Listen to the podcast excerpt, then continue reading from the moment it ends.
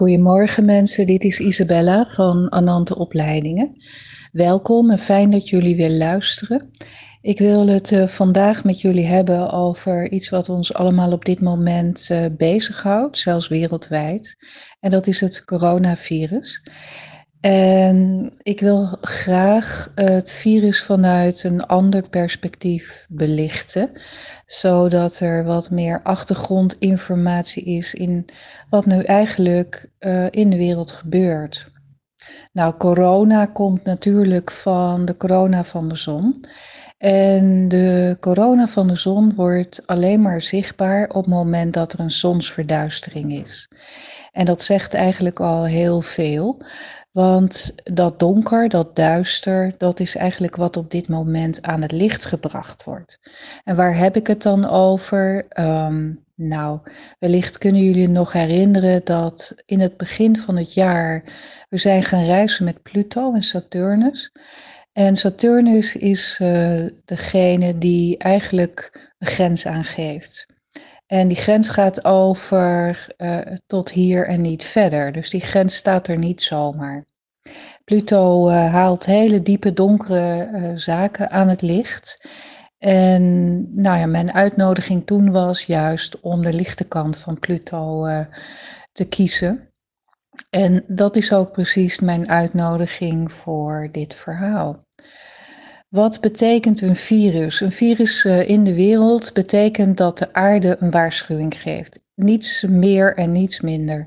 Virussen zijn uh, uh, ja, van een hoog bewustzijn. Ze hebben een heel hoog bewustzijnstrilling en ze worden dus heel duidelijk ingezet door de aarde, die zelf ook een bewustzijn heeft, om een waarschuwing af te geven.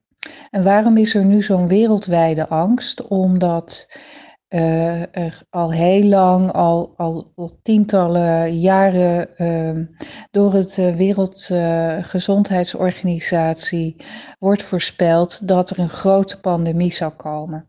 En het lijkt erop dat die pandemie op dit moment bezig is.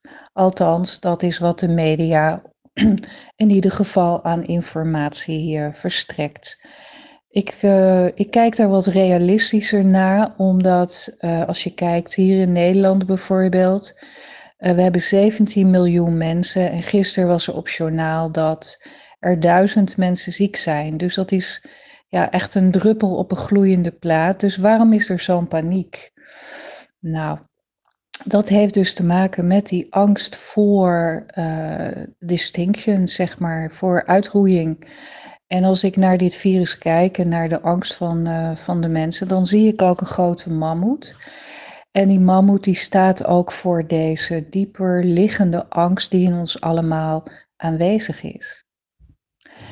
Wat belangrijk hierin is, en dit is echt geen uh, kinderachtige boodschap die ik nu uh, inspreek, want um, ja, het gaat over de grote gewetensvraag van wat, waarom zet de aarde een virus in? En dat heeft te maken dat uh, er een grens bereikt is. En dat betekent dat de aarde ons uitnodigt om ons te gaan bezinnen. En niet geheel toevallig uh, is het zo dat uh, door dit virus we allemaal vanuit de overheid eigenlijk een paar weken vrij hebben gekregen.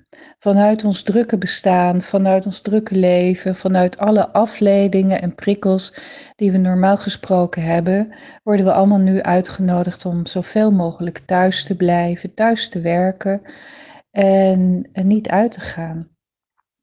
En dat vraagt dus om, ja, om een stukje bezinning. Want we komen allemaal tot rust en we kunnen allemaal uh, wel wat bezinning en wat inzicht gebruiken over wat er gebeurt. De grote um, vraag is waarom. En dat wat eigenlijk niemand ooit is een keertje uh, aan de orde stelt, en daarom doe ik het maar, um, ook al vind ik dat heel lastig, is dat we voortdurend op dit moment op aarde met symptoombestrijding bezig zijn.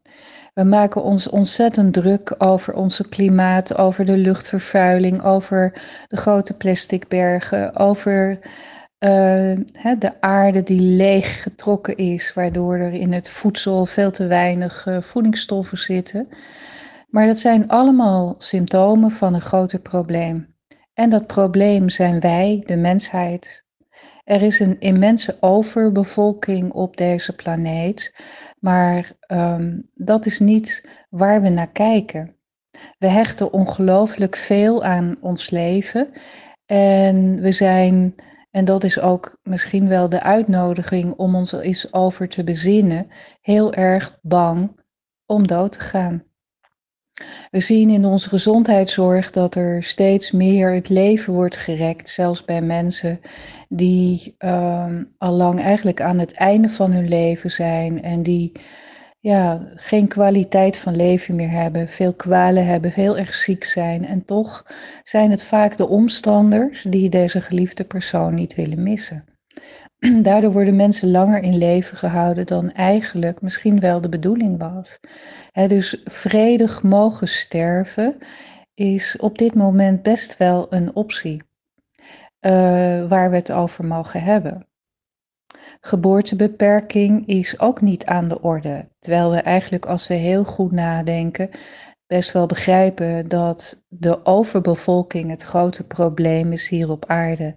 De aarde bezwijkt eronder, de natuur bezwijkt eronder, uh, de dieren bezwijken eronder en in alle eerlijkheid, wij als mensen bezwijken er ook onder. Wij zijn het probleem. En dat is precies waar het om gaat.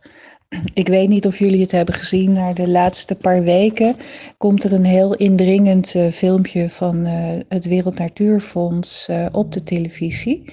En dat wordt wereldwijd uitgezonden. En daar wordt een hele dringende vraag gesteld. En ik denk dat dat precies de vraag is waar het hier over gaat. En die vraag is, of eigenlijk wat het filmpje zegt, is van wij zijn de eerste generatie die beseffen dat we uh, afstevenen op vernietiging. En wij zijn tegelijkertijd ook de laatste generatie die daar nog iets aan kunnen doen.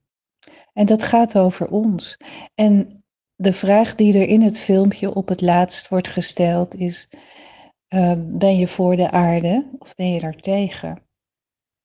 En niet voor niks worden we allemaal thuis uitgenodigd om in die contemplatie te gaan en ons te bezingen. Want het, het gaat er deze keer niet om dat we hopen dat onze overheid de oplossing vindt of dat eh, de buurman de keuze maakt die we zelf liever niet willen maken. Het gaat erom dat ieder van ons wordt uitgedaagd om een keuze te maken over hoe je met je leven wilt omgaan, met deze planeet, met de toekomst. En wat laten we achter voor onze kinderen? Er zijn al zo ongelooflijk veel kinderen op aarde die het niet zo al te best hebben, die honger lijden, die eenzaam zijn, die op straat leven. En we zijn eigenlijk niet meer goed in staat om voor onze kinderen te zorgen. Dat is ook een probleem. Er zijn tekorten op, op deze planeet, een tekort aan voedsel, een tekort aan veiligheid, een tekort aan zoveel dingen. En ja, de aarde brengt een virus en we zijn bang. Ook al lijkt het erop dat het virus op dit moment niet meer dan griepachtige verschijnselen vertoont. Dus waarom is de overheid zo bang? Waarom is er een wereldwijde angst. Ik denk dat dat hier om gaat. Ik denk dat de planeet ons een hele indringende waarschuwing geeft, want ook al denken we dat we de natuur goed kunnen beheersen, de planeet legt ons op dit moment helemaal stil. Economieën komen tot stilstand, het kost miljoenen aan geld en ja, we zitten in een crisis. Maar die crisis gaat veel dieper dan we wellicht beseffen. Dus mijn uitnodiging is, is ga weer eens met elkaar praten. Praat eens over de zaken die werkelijk van belang is. Um, praat eens over doodgaan, hoe dat is. Maar praat vooral eens met elkaar over leven. wat voor leven wil jij eigenlijk voor jezelf? Want nu de druk eraf is, nu iedereen tot rust komt, is het wellicht ook mooi om eens te kijken van hé, hey, maar wat doe ik eigenlijk met mijn leven? Hoe leef ik eigenlijk? Gaat het dan alleen maar over die red race, over die push die we voortdurend in ons systeem hebben, over de enorme prestatiedruk die we op onze kinderen leggen? Of wordt het echt tijd om het anders te doen? Ik denk dat, uh, dat deze boodschap van Moeder Aarde heel belangrijk is. Een virus ja, is een stuk kleiner dan een grote meteoriet die ooit ons, uh, de, de mammoet, de dinosaurus heeft uitgeroeid. En ik denk niet dat het tot uitroeiing zal komen, maar ik denk wel dat we in beweging moeten komen. Want de volgende waarschuwing, de volgende boodschap van de aarde kon wel eens veel steviger zijn dan dat wij denken. En dan, ja, dan worden we wellicht wel uitgedund.